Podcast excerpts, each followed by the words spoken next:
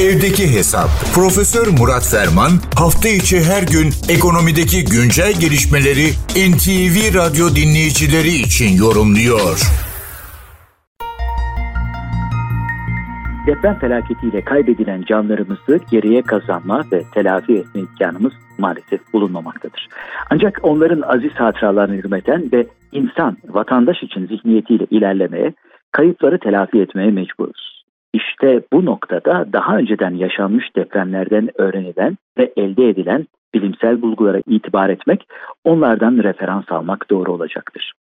Depremin maliyeti üzerindeki ilk değerlendirmelerimizi daha evvel paylaşırken referans verdiğimiz bir çalışmayı tekrar hatırlatmak isteriz. 2013'ten geriye yürüyerek 1975 ila 2013 arasında meydana gelmiş dünyada belirli başlı depremlerin değerlendirildiği Stefanie Lackner imzalı bir çalışmada depremlerin hemen sonrasındaki harcama kararlarının iyi planlanmamış, siyasi tercihlerin ağır bastığı ve ad hoc yani amaca özel, niyete mahsus karakteristik olmak üzere üç temel nitelik taşıdığı sonucu paylaşılıyor.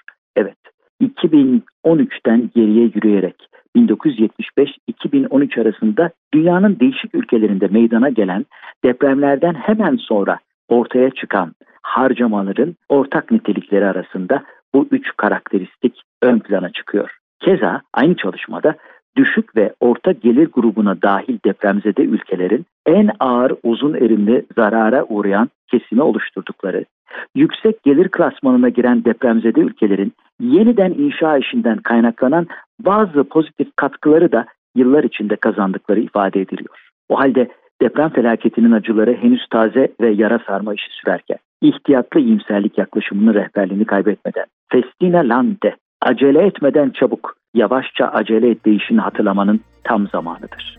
Değerli dinleyenlerimize katma değeri yüksek ve yüksek katma değerli bir gün diler, huzurlarınızdan hürmetlerle ayrılırım.